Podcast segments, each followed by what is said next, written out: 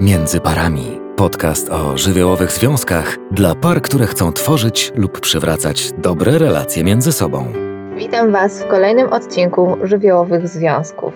Dzisiaj naszym tematem są style przywiązania. Cóż to jest takiego? Co to za dziwne określenie, niewiele mówiące, a jednak dotykające każdego z nas? Mam nadzieję, że uda mi się dzisiaj rozwinąć ten wątek, tak by pokazać, jak bardzo różne nieświadome aspekty wpływają na nasze życie, często je też determinują. Dopiero wtedy, kiedy odkryjemy je, kiedy staną się świadome, będziemy mieli na nie realny wpływ. Zaprasza Marita Woźne. Aby jednak to lepiej zobrazować, przytoczył kilka sytuacji po to, żeby pokazać Ci, jak to wszystko funkcjonuje. Zacznijmy od Magdy. Magda jest y, mężatką. Jest od wielu lat w związku już, ale w tym związku czuje się samotna nie czuje wsparcia ze strony swojego męża. Właściwie to on nigdy nie był osobą, która jakoś chętnie rozmawiała o emocjach, o relacjach, jakoś chętnie angażowała się w tą relację. Sporo czasu jej mąż poświęcał na własne przyjemności, na bycie e, w pracy do późna, czy też na spotkania z przyjaciółmi. Trochę Magda ma poczucie, że nic ich nie łączy i że może byłoby lepiej jej samej?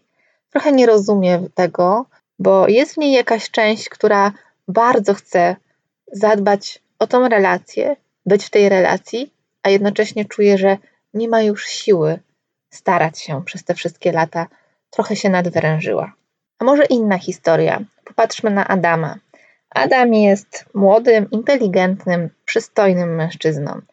Spotyka się z kobietami, nie ma problemu z tym, żeby wzbudzić ich zainteresowanie, nie ma też problemu z tym, żeby stworzyć związek, ale zwykle te związki w którymś momencie się rozpadają.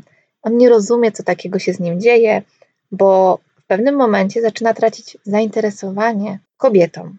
Trochę ma uczucie, że wpadł w jakąś pułapkę, że może coś przeoczy, że coś może go ominie w życiu, i z jednej strony ma takie marzenie i pragnienie, by stworzyć dom, w którym będzie żona, będą dzieci, a z drugiej strony za każdym razem, kiedy wchodzi w relację, to się nie udaje, bo nie rozumie, co się z nim dzieje. Wie, że ta druga strona jakoś nie zmienia się, że jest atrakcyjna, ale to w nim dzieje się coś takiego, że to zainteresowanie gaśnie. A teraz spójrzmy na Kasię. Kasia jest w związku już od jakiegoś czasu. Właściwie bardzo dobrze im się układa. Trochę nie rozumie tego, że jej druga połówka jest dla niej taka dobra. Natomiast ciągle zastanawia się, jak to jest, że skoro ten jej partner daje jej sygnały o tym, że chce z nią być, że ona jest dla niego atrakcyjna, że ją kocha, że dostaje od niego zapewnienia zarówno w czynach, jak i słowach, ale jednocześnie ciągle gdzieś w niej pojawiają się zmartwienia, ciągłe myśli o tym, że a może nie jestem zbyt atrakcyjna dla niego, a może ktoś inny będzie atrakcyjny, ale czy on tak naprawdę ze mną chce być, czy on jest tego pewien, a może za jakiś czas się odmyśli, może mnie zostawi, może muszę się bardziej postarać, żeby być dla niego jakaś. I trochę w tych różnych sytuacjach prowokuje te sytuacje, kiedy rzeczywiście doszukuje się takich aspektów, by potwierdzić to, co sobie myśli. Oczywiście tylko wtedy, kiedy on się zaczyna dystansować, ona wpada w swoje zmartwienia, by później uspokoić się i zobaczyć, że właściwie to on dalej przy niej jest i trochę nie może uwierzyć, że ten związek dalej istnieje. To są trzy różne historie, przykładowe historie. Można by do nich jeszcze dołożyć kilka innych. Na pierwszy rzut oka nie wydaje się, aby te historie miały ze sobą coś wspólnego, a jednak mają. Mają różne aspekty, które pasują do wszystkich tych przypadków, choć każdy z nich wygląda jak wyjątkowa historia, charakterystyczna tylko i wyłącznie dla tej danej osoby. Jednocześnie każda z tych historii, z tych sytuacji dla tych osób jest bolesna, męcząca. To są kawałki, które sprawiają jakiś życiowy ból temu człowiekowi i nie za bardzo rozumieją, nie wiedzą, jak mają sobie z tym poradzić, jak mają tak naprawdę na samym początku to zrozumieć, bo każda z nich dotyka najistotniejszych potrzeb człowieka. I oczywiście pracując e, z osobą, która przynosi którąś z tych historii, i jeśli pojawiłaby się druga o podobnej historii, to oczywiście, że każda z tych historii jest indywidualna i wyjątkowa. Natomiast jest pewien element w naszych związkach, w naszym życiu, który jakoś łączy poszczególne elementy naszego bycia w relacji. W pewnym momencie odkryto coś takiego jak style przywiązania, o których za moment opowiem więcej, które mogą dać rozumienie tego, co dzieje się w naszych relacjach. Co to właściwie są te style przywiązania? Style przywiązania można by określić jako stosunek do bliskości i sposoby, w jakie na nią reagujemy w romantycznych relacjach. To jest podobnie tak jak u dzieci i właściwie stamtąd się to wywodzi, ale w związku też te style przywiązania funkcjonują. Informacje o stylach przywiązania, o więzi, która się nawiązuje pomiędzy matką a dzieckiem, możemy czerpać z badań, które pokazują, jak to wszystko się tworzy. Tymi badaniami zajmował się John Bowlby, Mary Ainsworth i wielu innych badaczy, którzy opisywali w różnych pozycjach książkowych to, jak tworzy się więź pomiędzy dzieckiem a rodzicem. Dziś już wiemy, że na style przywiązania, które mamy w związku, wpływają oczywiście te doświadczenia z dzieciństwa, ale też wpływają inne doświadczenia, które mieliśmy z różnymi partnerami i poprzednimi związkami, które tworzyliśmy. Czyli mówiąc trochę inaczej i w skrócie, to jak tworzymy więź z innymi ludźmi jest trochę odzwierciedleniem sposobu wychowania, ale też naszych doświadczeń życiowych i związków, które mieliśmy wcześniej. Kiedy myślimy o więzi, jaka się tworzy pomiędzy matką a dzieckiem, to oczywiście ma ogromny wpływ, czy rodzic był współczujący, czy był dostępny dla dziecka, czy reagował na jego potrzeby. Jeśli tak, to ten styl, który się tworzy, można nazwać bezpiecznym. Natomiast jeśli w okazywaniu tych aspektów, tych uczuć, mm, tej dostępności rodzica występowała ambiwalencja, to ten styl naszego przywiązania, tej więzi, mógł rozwinąć się y, jako lękowy, a jeżeli doświadczyliśmy więcej dystansu albo sztywności w tej relacji, braku reagowania na nasze potrzeby, choć to reagowanie na nasze potrzeby nie musiało być związane z zaniedbaniem. Być może brakowało reagowania na potrzeby emocjonalne. E, wtedy też ten styl w nas może się wykształcić jako ten, który nazywamy stylem unikającym. To tak w dużym uproszczeniu i skrócie, ponieważ to jest bardzo duża teoria, dużo można się nią zajmować, rozkładać na czynniki pierwsze, opowiadać o tych różnych stylach. I to będziemy między innymi robić na zbliżającym się naszym trio webinarowym o tym, jak nasze wewnętrzne dziecko odnajduje się w związku, który tworzymy podczas cyklu takich webinarów, do którego Was bardzo serdecznie zapraszam. Będzie tam sporo wiedzy na ten temat i też możliwości doświadczania, sprawdzania siebie. I jest to o tyle istotne, że ta zmiana stylu przywiązania może nie jest niemożliwa, ale potrzeba po pierwsze świadomości, że coś takiego istnieje. Trzeba sobie zdać sprawę z tego, że takie zmiany zachodzą, że takie aspekty na nas wpływają. I choć praca nad tym aspektem wymaga głębszej pracy terapeutycznej, to jednak sama świadomość tego, że coś takiego istnieje i wpływa na nasze relacje, jest naprawdę niezwykle mm, ważna, ponieważ określając te style przywiązania, możemy lepiej rozumieć i inaczej interpretować zachowania nasze i bliskich nam osób. Zachowania, które bardzo często interpretujemy jako wrogie, jako krytyczne, jako oceniające, czasem to my oceniamy tego dru drugiego człowieka, że jest jakiś, natomiast zobaczenie go w innym świetle może zmienić perspektywę w tej relacji, może nawet jakąś część tej relacji. Na pewno można lepiej siebie rozumieć, a o to przede wszystkim nam chodzi, żeby wymiksować się z tych stereotypowych, schematycznych, trudnych takich zachowań, które mamy, które nas też zakleszczają i uniemożliwiają zobaczenie po drugiej stronie człowieka.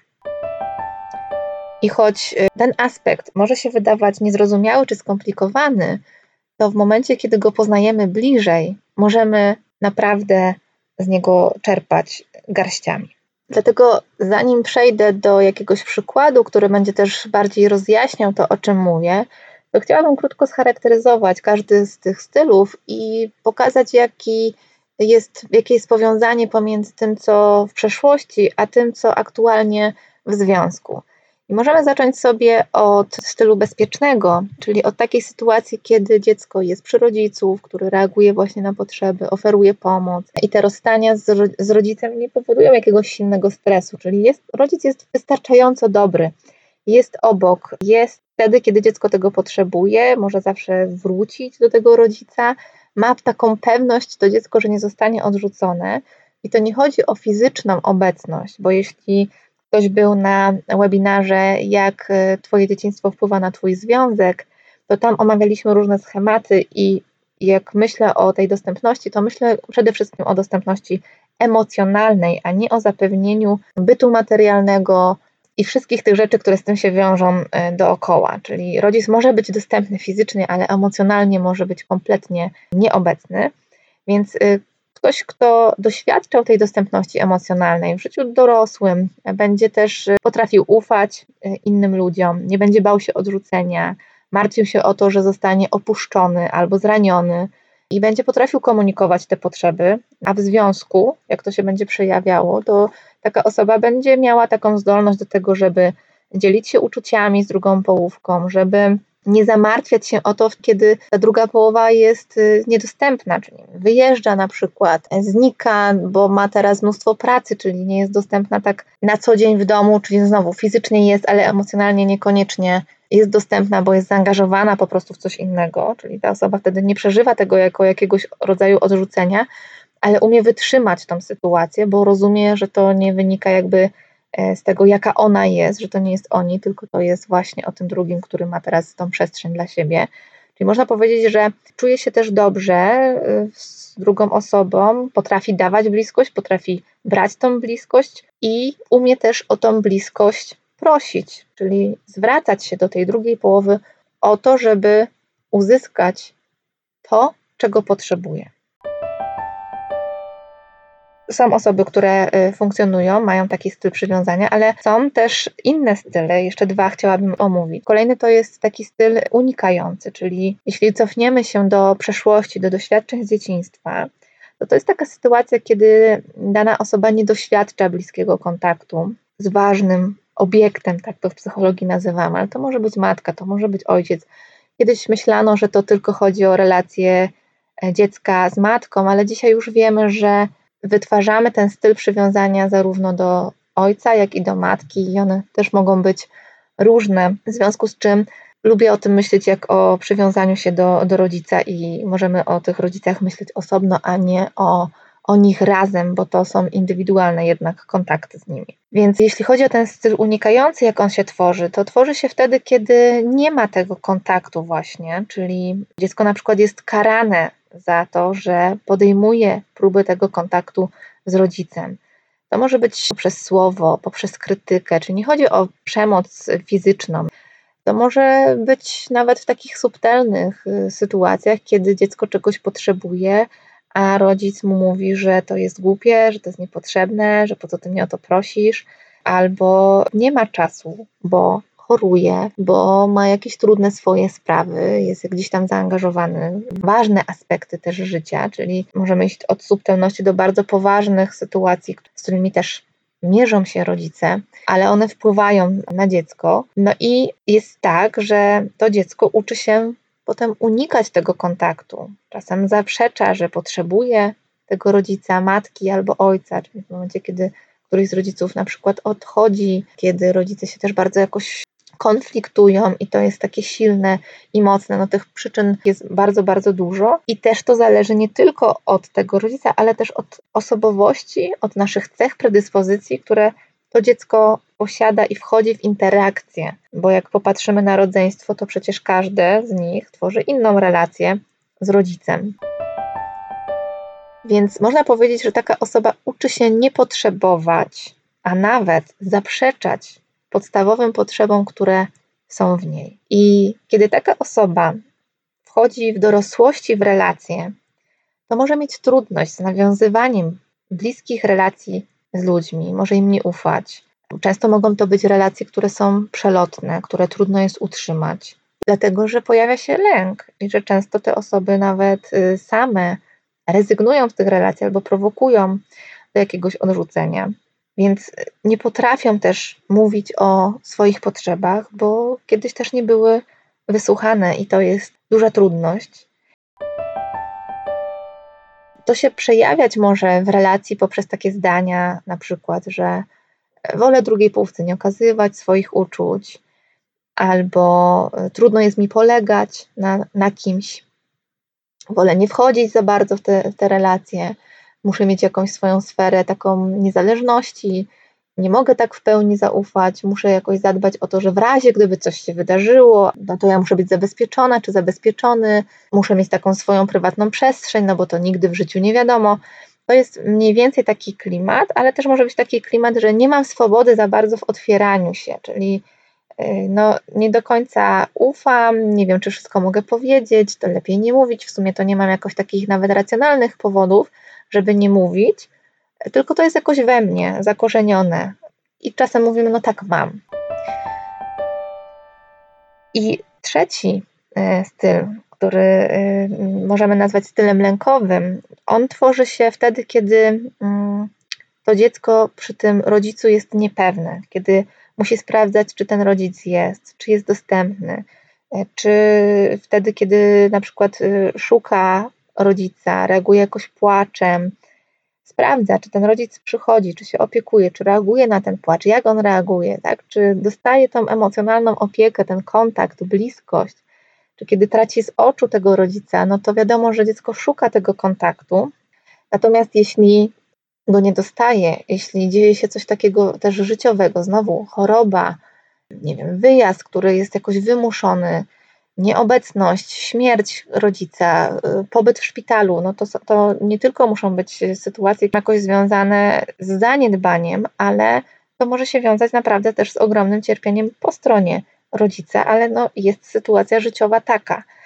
I to wpływa na nas, na to, jak, jak się ta więź kształtuje, i im więcej takich doświadczeń, bo nie mówimy o jakichś jednorazowych też sytuacjach, tylko o, o czymś, co chronicznie się w tej relacji pojawia i dzieje, to w dorosłości ktoś, kto lękowo jest przywiązany, mm, to taka osoba może mieć na przykład huśtawki emocjonalne, może ciągle nie czuć się kochana, mimo tego, że dostaje zapewnienia e, od drugiej strony, szuka jakichś skrajnych emocji, ciągle może czuć się niedoceniona, e, może ciągle sprawdzać, pytać, nie dowierzać, tak, czy naprawdę ten ktoś ze mną jest, tak jak w tym przykładzie na, na początku tego podcastu, Czasem to może prowadzić do jakiejś chorobliwej zazdrości, a czasem do paradoksów, czyli chcę teraz mieć bliskość i jej nie dostaję. Dostaję ją na przykład za chwilę, bo okazuje się, że ktoś dla mnie teraz jest y, niedostępny tym momencie, więc ja już mam wizję tego, że na pewno mnie zostawia,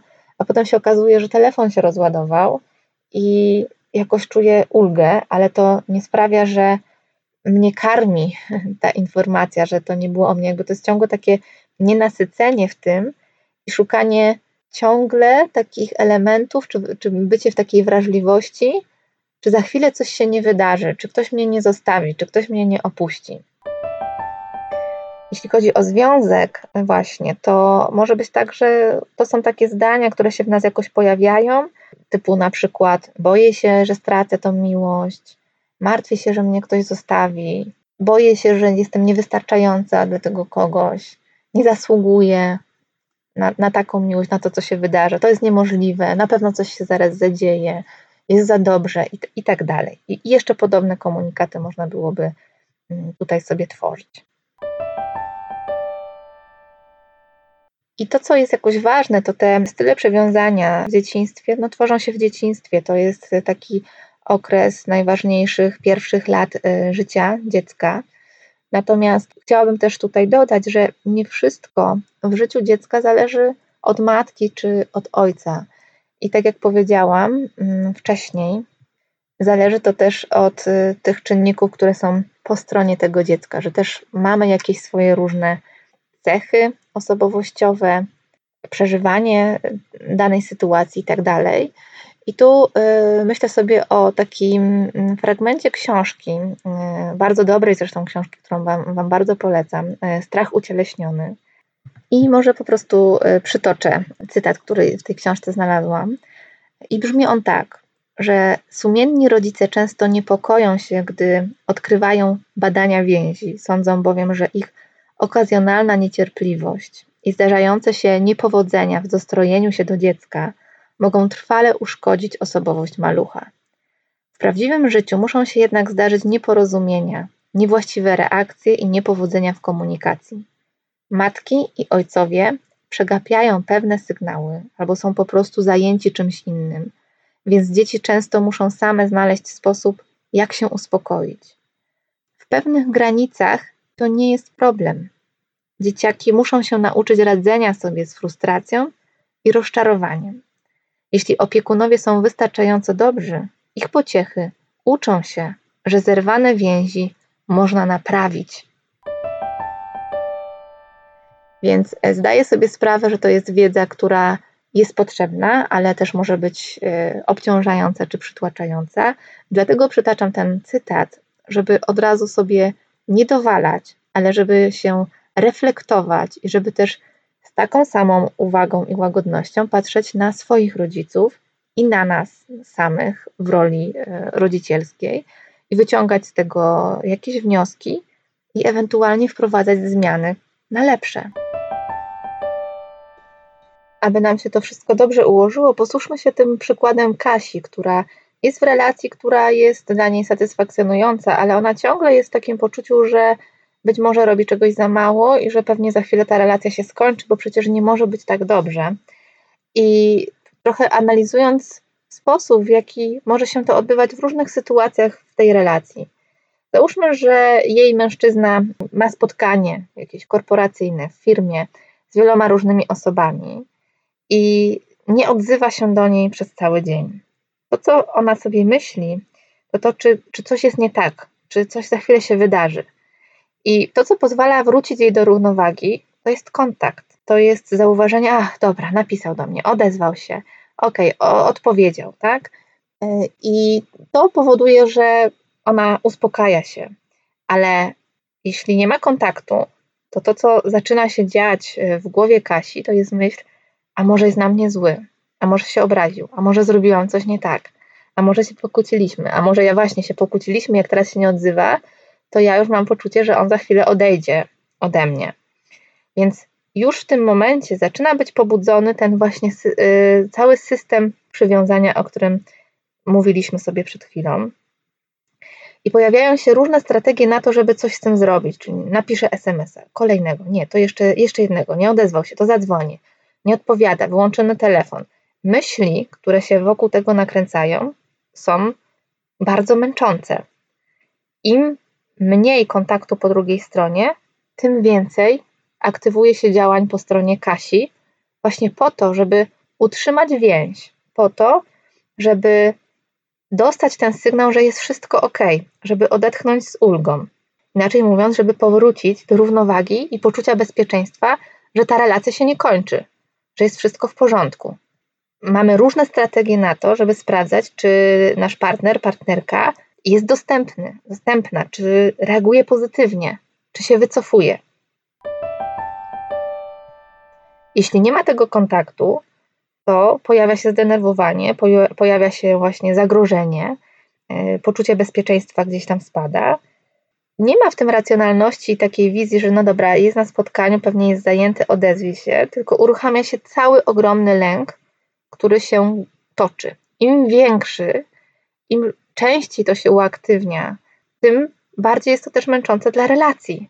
ponieważ ta osoba po drugiej stronie może się czuć tym przytłoczona, może się czuć zaskoczona w ogóle interpretacją takiego stanu rzeczy, może nie rozumieć tego, nie wiedzieć o co chodzi, może być y, już, y, nie wiem, zirytowana albo zmęczona ciągłymi zapewnieniami, bo ileż można. To są też takie sytuacje, gdzie można by pomyśleć o tym, że ta zazdrość, tak, która czas, czasem my tak rozumiemy, że y, jesteśmy zazdrośni, że kontrolujemy, że sprawdzamy, no tak, czyli sprawdzamy, ale to też może być na bazie tego mechanizmu, o którym mówimy. Teraz w tym przykładzie, który tutaj Wam przytaczam, to jest historia o związku, który jest w miarę stabilny i o sytuacji, która dotyczy codziennych spraw życiowych. Natomiast możemy się dobierać też tak, że ta osoba po drugiej stronie rzeczywiście ucieka, czyli jest bardziej w tym stylu unikającym. To jest ta trudność, bo każda z tych osób zaczyna mieć, czy ma inne potrzeby, inne mechanizmy się uruchamiają i one są kompletnie nieświadome, nie znamy ich, więc nie wiemy, co z tym robić, i objawia się to wszystko w trudnościach w komunikacji i wynika z głębokiego niezrozumienia naszego osobistego funkcjonowania. Więc w takiej pracy nad sobą ważne jest poza komunikacją, uczeniem się tej komunikacji, to aby dodatkowo przyglądać się różnych, różnym schematom, które w naszych poprzednich doświadczeniach, z naszego dzieciństwa też, e, które na nas po prostu wpłynęły i mają mm, ogromne znaczenie dla budowania relacji. I to ma o tyle znaczenie, że możemy nauczyć się wybierać mądrze osoby, z którymi chcemy być w relacji, zauważać właśnie te różne e, aspekty, które gdzieś nieświadomie nami kierują i trochę wpędzają nas czasem w toksyczność relacji albo w relacje, które nam za bardzo nie służą, które są jakoś destrukcyjne, ale też kiedy już jesteśmy w związku i chcemy być ze sobą, bo się dobieramy jakoś tak komplementarnie do siebie, to można się dzięki temu uczyć tego, jak się w tym komunikować. Po pierwsze, rozeznać się w tym, jakie ja mam style przywiązania, jakie style przywiązania ma moja druga połowa, e, jak to nami rządzi, jak to na nas wpływa i jak to oddziałuje na nasz związek. I jakich komunikatów możemy się, poza tym rozumieniem, które to y, musi iść w pierwszej kolejności, ale jakich komunikatów też możemy się nauczyć, żeby siebie wspierać. Czyli jeśli wiem, że coś takiego e, u nas funkcjonuje, to co ja mogę zrobić po swojej stronie, a co może zrobić swoja, moja druga połówka po swojej stronie, żeby nauczyć się trochę innego bycia w relacji dzięki rozumieniu tego, jak funkcjonujemy, dlaczego tak funkcjonujemy. I to jest często jak odkrycie Ameryki dla par. A więc podsumowując, bardzo ważne jest określenie własnego stylu przywiązania, ale też naszego miłosnego DNA, które mamy. Dlatego, że często to jest pierwszy krok poza komunikacją do zrozumienia własnych potrzeb, które mamy w relacji z różnymi osobami. Potrzeb, które druga strona może być w stanie zrealizować, sprostać im, albo też nie. Więc bardzo ważne jest też zobaczenie własnych romantycznych doświadczeń i doświadczeń osób z Twojego otoczenia trochę w innym świetle, trochę obejrzenia tego, co już znasz, co wiesz, ale pod innym kątem. To tak, jakby tam oświetlić ten punkt i nagle zobaczyć, że w tym szarym kącie są dodatkowe, bardzo ważne rzeczy, które się kryły, bo nikt nigdy na nie nie patrzył, a są kluczowe do rozwiązania czegoś. Co ważniejsze, można te rzeczy okiełznać, poznać, zrozumieć, nauczyć się e, obsługiwać to, e, komunikować się ze sobą, po to, żeby być w relacji bardziej szczęśliwym. I ja, korzystając z okazji, Was do tego zapraszam, bo całe trio webinarowe Wewnętrzne Dziecko w dorosłym związku rusza 28 stycznia e, i nie będzie później już możliwości dołączenia, i to będzie proces, który być może powtórzymy. Jest to pierwsza edycja. Do dołączenia do tego cyklu webinarów, aby poznać bliżej tą sferę e, życia, funkcjonowania, tych nieświadomych aspektów, które wpływają. Więc e, zapraszam Cię do dołączenia już do osób, które są tam na pokładzie. A jeśli nie masz ochoty na taką długą pracę, możesz skorzystać z webinaru Jak Twoje dzieciństwo wpływa na Twój związek, który jest też dostępny na międzyparami.pl w zakładce sklep. Kończąc już to nasze dzisiejsze spotkanie, mm, nasz podcast żywiołowych związków, myślę sobie o tym i jestem przekonana do tego, że każdy z nas zasługuje na to, żeby cieszyć się, żeby posiadać taką bezpieczną więź z drugim człowiekiem. Nie zawsze potrafimy to zrobić, nie zawsze mieliśmy okazję nauczyć się tego, jak to robić, ale zawsze mamy okazję do tego, żeby móc samodzielnie mm, wpłynąć na to, zrobić coś, wziąć to w swoje ręce, swoją odpowiedzialność i zacząć działać, bo wtedy, kiedy mamy dobrą relację, lepszą relację, to stajemy się też e, szczęśliwszymi e, ludźmi i odwdzięczamy się tym szczęściem innym osobom i świat, który nas otacza, po prostu jest piękniejszy. I nawet jeśli to jest droga przez różne bóle, przez różne ciernie, to i tak e, życzę i sobie, i Wam takiej drogi, po to, żeby ostatecznym rozrachunku móc spijać śmietankę z tego nad czym się tam namęczyliśmy w trakcie. Tak więc uczmy się tej bliskości nie po to, żeby może za wszelką cenę ratować związek, jeśli jest w kryzysie, e, może po to, żeby w tym związku było nam lepiej, jeśli nie ma tam takich kryzysów, które prowadzą do, do rozstania. Czasem taka wiedza może przed tym uchronić, ale nie zawsze. Ale uczmy się tego przede wszystkim dla siebie. Uczmy się mm, tej bliskości, ponieważ związek powinien dodawać nam pewności siebie, spokoju i pewnego rodzaju spełnienia. I tego Wam bardzo mocno życzę. Do usłyszenia w kolejnym odcinku.